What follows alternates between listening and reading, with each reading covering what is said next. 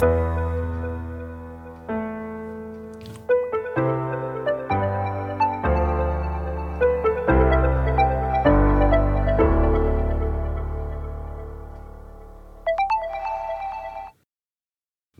bij deze podcast. Vandaag gaan we het hebben over het verschil tussen liefde en controle richting je kinderen.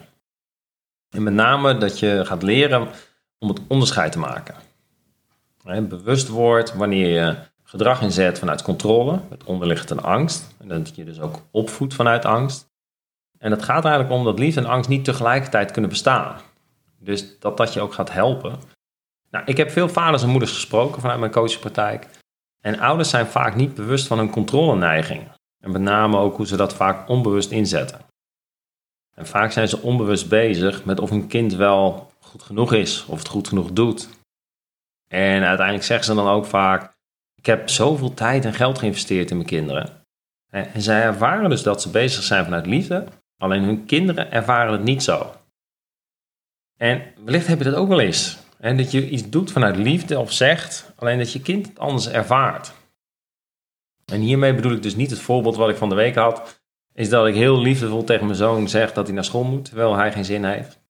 En het kan ook zijn dat je pubers hebt die in puberteit zitten en die overal tegenaan schoppen. Dit is niet wat ik bedoel. Maar wat ik wel bedoel is dat, dat je een patroon herkent. dat jij vanuit jouw overtuiging heel liefdevol bent richting je kinderen en heel veel doet voor je kinderen, alleen dat je kinderen het niet zo ervaren. En dan heb je een, eigenlijk een signaal waar je naar kan gaan kijken, als dat dus een patroon is. En dit begint met lef. Eerlijk oprecht durven kijken naar de signalen die je krijgt. Je doet je best, alleen je kind ervaart het niet zo. En vanuit een willen leren mindset, een groeimindset, en niet vanuit een goed en fout mindset. En dit leren doen heel veel ouders vaak al in hun werk of in een hobby. Alleen ik zie het nog niet al terug in de opvoeding. Het lijkt wel alsof we de veronderstelling hebben dat we dat al moeten weten. En dat daar ook Shannon op zit om daar naar te kijken. Alleen juist die lerende mindset gaat je heel erg helpen hierin. Durven kijken naar je ongewenst gedrag, controlegedrag. En niet vast te blijven houden bijvoorbeeld aan de alwetende oude concept. Dat je alles moet weten. En daarmee ook onbewuste schuld bij je kinderen neer te leggen. En waarom is ze nou niet dankbaar? Dat soort opmerkingen komen er dan. Op het moment dat jij besluit te gaan kijken, is de volgende stap om te gaan herkennen. Op welke momenten op de dag gebeurt het dat jij je best doet en je kind het niet zo waardeert? Welk gedrag zet je dan in? Wat zie je zelf dan doen? En ik vraag het omdat we bijvoorbeeld hele lieve dingen kunnen zeggen tegen onze kinderen, maar wel met een verwijtende blik of stem. Of dat je jezelf gaat herhalen. Of dat je dingen overneemt van je kind. Dat je ze gaat checken. Allemaal vormen van controle. Bijvoorbeeld, heel subtiel, dat je kind op de bank zit met de oplader en dat jij ziet dat uh, zijn mobiel bijna leeg is en dat jij hem in de oplader gaat doen. Terwijl je kind er gewoon naast zit en het ook prima zelf kan doen. En ook die behoefte niet ervaart om dat nu te moeten doen. En ja, dan krijg je die momenten in dit geval bij mijn zoon, dat hij dan op een gegeven moment boos wordt dat zijn iPad leeg is. Alleen door dat elke keer te fixen, help ik hem niet echt. Ik denk nog even terug aan mijn podcast. Door juist niet te helpen, help je je kind. Daar is dit een mooi voorbeeld van. Zodat hij dat zelf leert. En daarin stem je weer af op leeftijdsafhankelijk wat je kind aan kan of niet. Jonge kinderen zullen je af en toe gewoon simpelweg moeten helpen. En wanneer, bijvoorbeeld in dit stuk, komt dat gevoel van oneerlijkheid of onmacht omhoog. Wellicht herken je dat ook wel. Dat je het echt gewoon niet eerlijk vindt. Ik doe alles voor je en jullie luisteren niet. Of jullie doen niks. Of whatever. En ik doe toch zoveel. Waarom doe je nou niet wat ik vraag? Waarom zijn ze zo brutaal? Vaak is dat echt het moment dat je echt een alarmsignaal moet krijgen voor jezelf. Dat je weet, oh wacht even, ik stap nu echt uit de situatie. Want alles wat ik vanaf nu ga doen, dat gaat me niet helpen. En dan zit je al verder in de vicieuze cirkel. Eh, en dan weet je eigenlijk dat jij een stuk hebt om naar te kijken. Nou, om dit te veranderen, dit patroon, het herkennen tussen liefde en controle, uh, daarvoor zijn meerdere mogelijkheden. Die komen ook terug in de online training bijvoorbeeld of in de volgtrainingen. Maar vaak heeft dit te maken met dat we liefde, de liefde die we geven als ouder, meer te maken heeft met onszelf en meer zegt over onszelf dan over ons kind. En met name ook onze eigen conditionering bijvoorbeeld. En om hierin mee te nemen heb ik een voorbeeld van een moeder. die me vertelde zeg maar, over haar ervaringen met haar dochter. Dat ze zich bewust was geworden dat ze zich zorg maakte over de gebroken relatie van haar volwassen dochter. En dat ze er ook achter kwam dat ze zich eigenlijk meer zorgen maakte eh, dan haar dochter zelf. En vervolgens was ze verder gaan kijken en werd zich bewust dat ze wellicht haar eigen eenzaamheidsgevoelens projecteerde op haar dochter. En dat ze hiernaar wil gaan kijken middels van coaching. Hiermee neemt ze dus verantwoordelijkheid voor haar eigen gevoel en bevrijdt haar dochter van haar overbezorgdheid. Nou, hoe mooi is dat? Nou, wat er dus kan gebeuren, is dat we onze eigen kinderlijke en onbewuste gevoelens, van bijvoorbeeld ongehoord of ondergewaardeerd voelen, en dat we die gaan meenemen in de opvoeding richting onze kinderen. En daarmee onze kinderen onbewust gaan manipuleren om in die behoefte voor, te voorzien. Dus dat je op zoek bent bij je kinderen, zodat jouw gevoel van sterk zijn en gehoord voelen, dat die wordt bevestigd. Immers, hoe fijn is het om als ouder te horen dat je de belangrijkste persoon in het leven van je kind bent? Of dat ze van de tot de maan en terug van je houden. Hè? Hoe leuk is dat om te horen? Of dat ze niet zonder je kunnen, of dat ze je missen.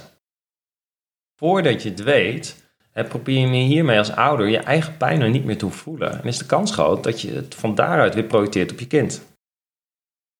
In dit voorbeeld wordt liefde dan vaak ontvangen als controle. En dit is tevens de essentie van bewust. Het bewust worden van jouw intentie, die bijna altijd goed is. Alleen dat je ook gaat kijken hoe komt het nou over op mijn kinderen. En dat onderscheid leren maken. er zijn dus momenten dat je controle inzet en dat het gewoon een kwaliteit is. Dat het gewoon heel erg helpend is. Dat je dingen goed georganiseerd hebt voor je kinderen. Maar er zijn ook momenten dat het niet helpend gedrag is.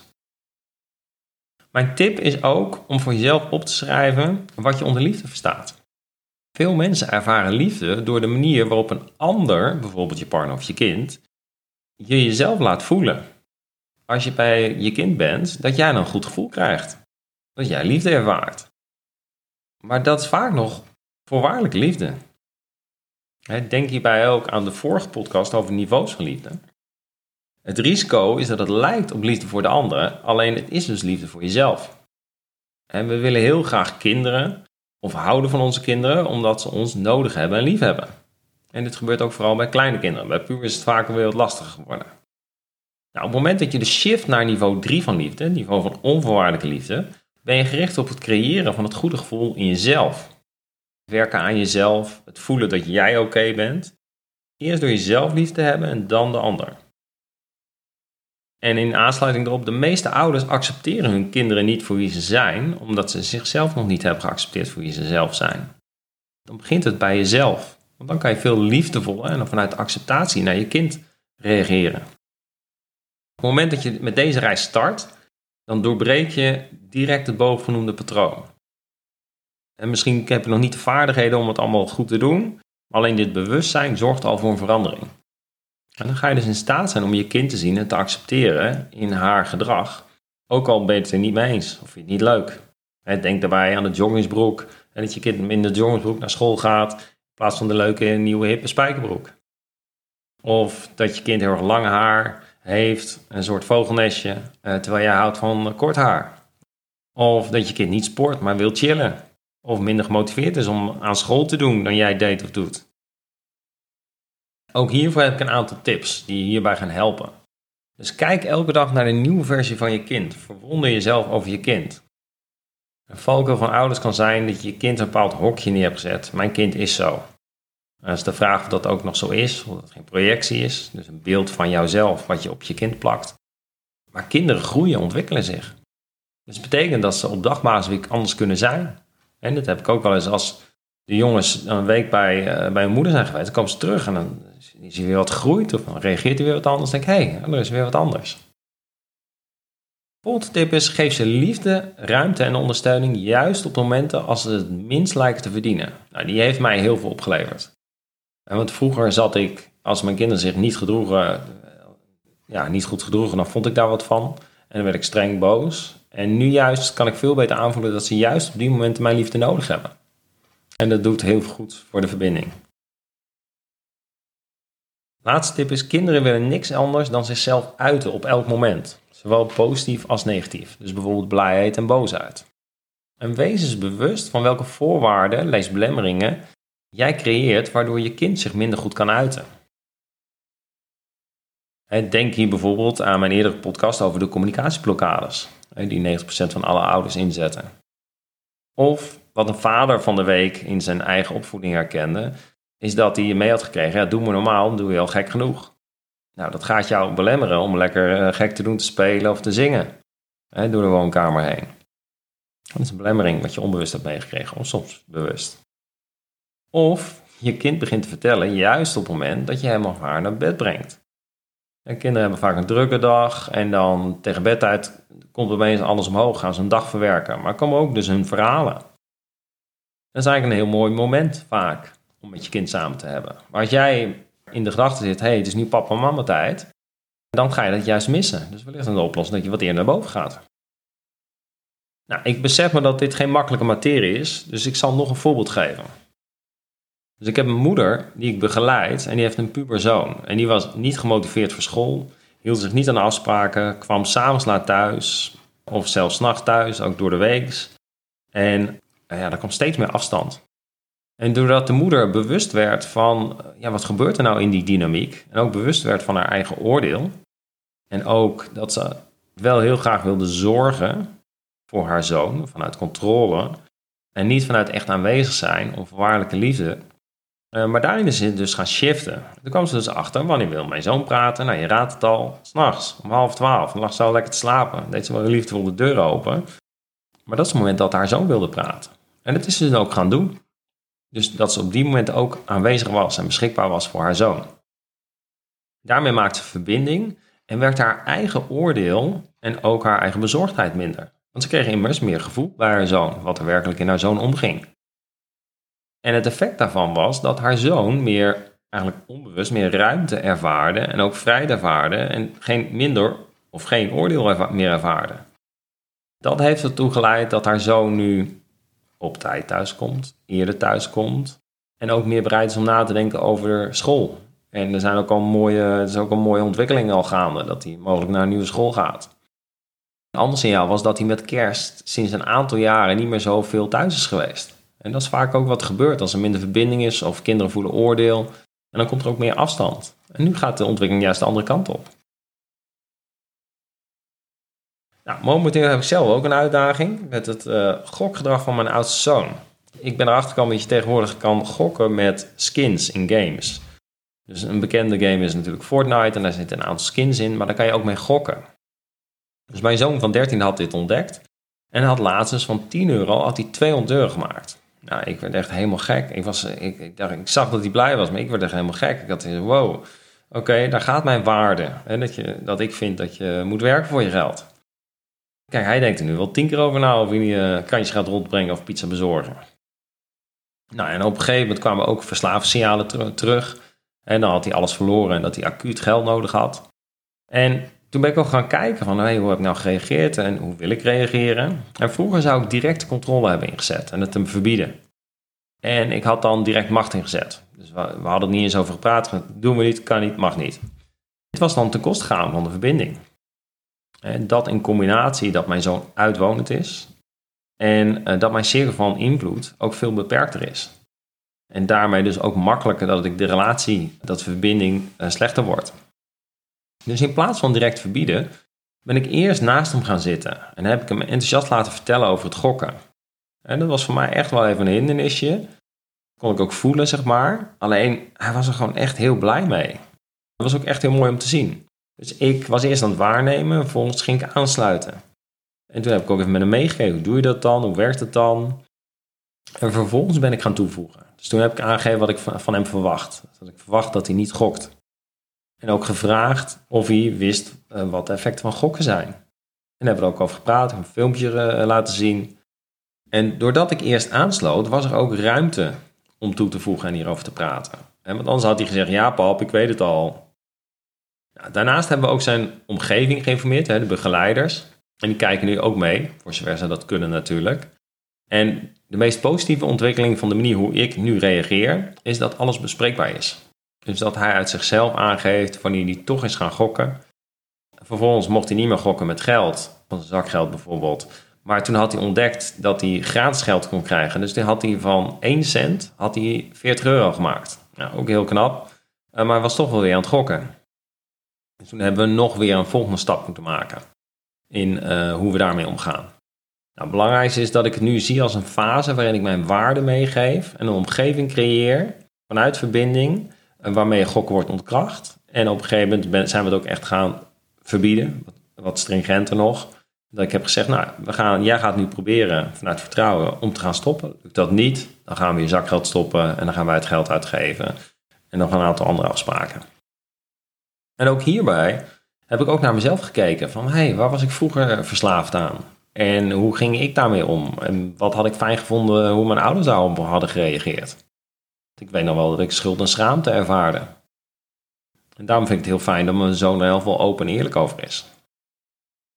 Nou, dit is hoe ik ermee omga.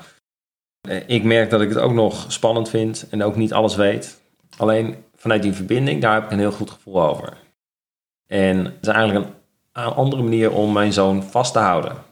Wel aanwezig te blijven, maar ook ruimte voor hem te laten en het vertrouwen te geven dat hij dat zelf kan. En want nu is het nog wat kleins, maar de thema's worden alleen maar groter. Mocht je luisteren en zelf deze ervaring hebben of tips hebben, ontvang ze graag. Kan ik ze ook weer delen, maar kan ik ze ook zelf weer gebruiken. Dat zou mooi zijn. Waar het in deze podcast dus over gaat, is liefde. Zie de ander en accepteer de ander. Hè, voor wie je kind ook is. Dus of je kind nu verdrietig is, wat je wellicht lastig vindt te accepteren omdat je zelf een associatie hebt met zwakte. Of dat je kind boos is, niet meewerkt uh, en dat je bijvoorbeeld merkt dat je hardhandiger wordt richting je kind omdat die gevoelens in jou triggert. Het zijn allemaal manieren om er anders mee om te gaan. En het zijn dus signalen om zelf persoonlijk te gaan groeien. En de kunst is dus om te houden van je kind zonder voorwaarden. We vragen onze kinderen dus niet om van ons terug te houden en zet geen voorwaarden als het kind het niet doet. De bekende valkuil is om je kind te gaan afwijzen als je kind niet wil vertellen over school of over een nieuw vriendje. En waar het hier dus in essentie over gaat, is dat onze eigen gevoelens niet meer in de mix komen. En dat je daarmee je kind dus ook niet meer belast. En dat klinkt als buitensluiten wellicht, alleen de focus gaat op jezelf. Dat betekent dat je bezig bent met het vervullen van jezelf en daarmee bevrijd je de ander. En eigenlijk nog mooier, je geeft de ander onbewust toestemming om het zelf te doen. om meer van zichzelf te gaan houden en ja, beter voor zichzelf op te, komen en te zien dat hij het waard is om zich niet te laten verleiden in dat soort verslavingen bijvoorbeeld. En de tip hierbij is: word een expert van jezelf en niet van je kind. De meeste ouders zijn expert van de kinderen. Ook onze maatschappij, als er problemen zijn, worden we expert van de kinderen. En we mogen meer expert worden van de ouder. In mijn visie. In plaats van angstig te reageren vanuit het gevoel dus dat je kind tekort komt of tekort schiet of het niet gaat redden in de maatschappij, laat je weten dat het oké is, zoals het is. En je kind hoeft dan niet meer bang te zijn voor afwijzing. En van de week had ik daarmee een voorbeeld met een volwassen vrouw. Uh, die was een opleidingsdag vergeten. En die uh, belde me daarop en die zei: Ja, sorry, ik ben het echt vergeten. Nou, die ging zich helemaal verontschuldigen. En eigenlijk is dit een thema wat al eerder voorbij kwam, dat ze dingen was vergeten. En daar heb ik naar gekeken. En toen vertelde ze ook, ja, daar ben ik mee bezig. Ik ben structuur aan het maken en het gaat ook beter. Maar nu is het allemaal mis en ik schaam me ervoor. En toen zei ik ook zo van, oké, en waarom is nou alles mis? dus even in dit voorbeeld, acht keer gaat het goed en twee keer gaat het mis. Maar dat betekent niet dat alles verkeerd is. Werd bij haar ook helder, werd ze ook verdrietig. En zei ja, zo, werd ik, zo ging het vroeger kreeg ik altijd om het donder van mijn ouders. Wat ik ook deed, was nooit goed. Dus ze schrok ook van mijn reactie. Dat ik zei, nou ja, je mag best een fout maken. Je bent goed op weg. Alleen, ja, het is er nog even niet gelukt. En dat is ook logisch, want je kan het niet in één keer goed doen. Gelet op waar je stond en waar je naartoe wil. Dus zo werkt het ook door, ook in de volwassenheid. Hoe je je kinderen dus opvoedt. Als je oefent met bovenstaande tips en opvoedt vanuit deze bewustwording, en zou je nog makkelijker je liefde kunnen uitrichten in je kind. Nog makkelijker de controle los kunnen laten met de onderliggende angst. Een ander positief gevolg is dat ouders die hun kinderen als waardevol behandelen, ervoor zorgen dat kinderen op een natuurlijke wijze wegblijven van gedrag wat leidt tot disconnectie. Zoals drugs of alcohol, social media, soms ook zichzelf snijden bijvoorbeeld. En er zal nog steeds conflict zijn, ook in de puberteit, alleen het is wel vanuit een diepere connectie. Afsluitend heb ik weer een opdracht voor je, als je er zin in hebt. En dat betekent eigenlijk dat je gaat oefenen om je kind te laten voelen dat het oké is. Uh, ook al vind jij het niks wat je kind doet. Ook al ben je erop tegen.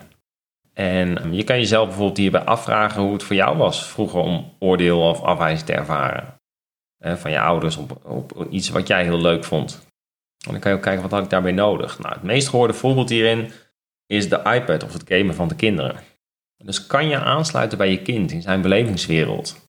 En waardoor je snapt en voelt wat maakt dat je kind het zo leuk vindt. En lukt het jou om je kind het gevoel te geven dat, ondanks dat hij gamet, dat hij als persoon waardevol is, oké is. Ik zeg wel eens tegen mijn kinderen, ik hou van je, alleen dit gedrag vind je niet oké. Kijk later eens naar het effect van deze actie. dus dat je hebt aangesloten bij je kind. En uh, wat het effect is op jullie relatie. En ook het ongewenste gedrag van je kind. Is er iets veranderd? Nou, herken je wel de signalen bij je kind dat hij jouw liefde anders ontvangt dan jij bedoelt? Alleen vind je het nog niet zo makkelijk om bij jezelf te herkennen op welke wijze jij controle inzet. Of gedrag met een, eigenlijk een onderliggende angst inzet. Zoals het voorbeeld van de moeder. Neem dan contact met me op, want ik kijk graag met je mee. Nou, hiermee zijn we aan het einde gekomen van de podcast. En ik zie jullie weer de volgende keer. Fijne dag!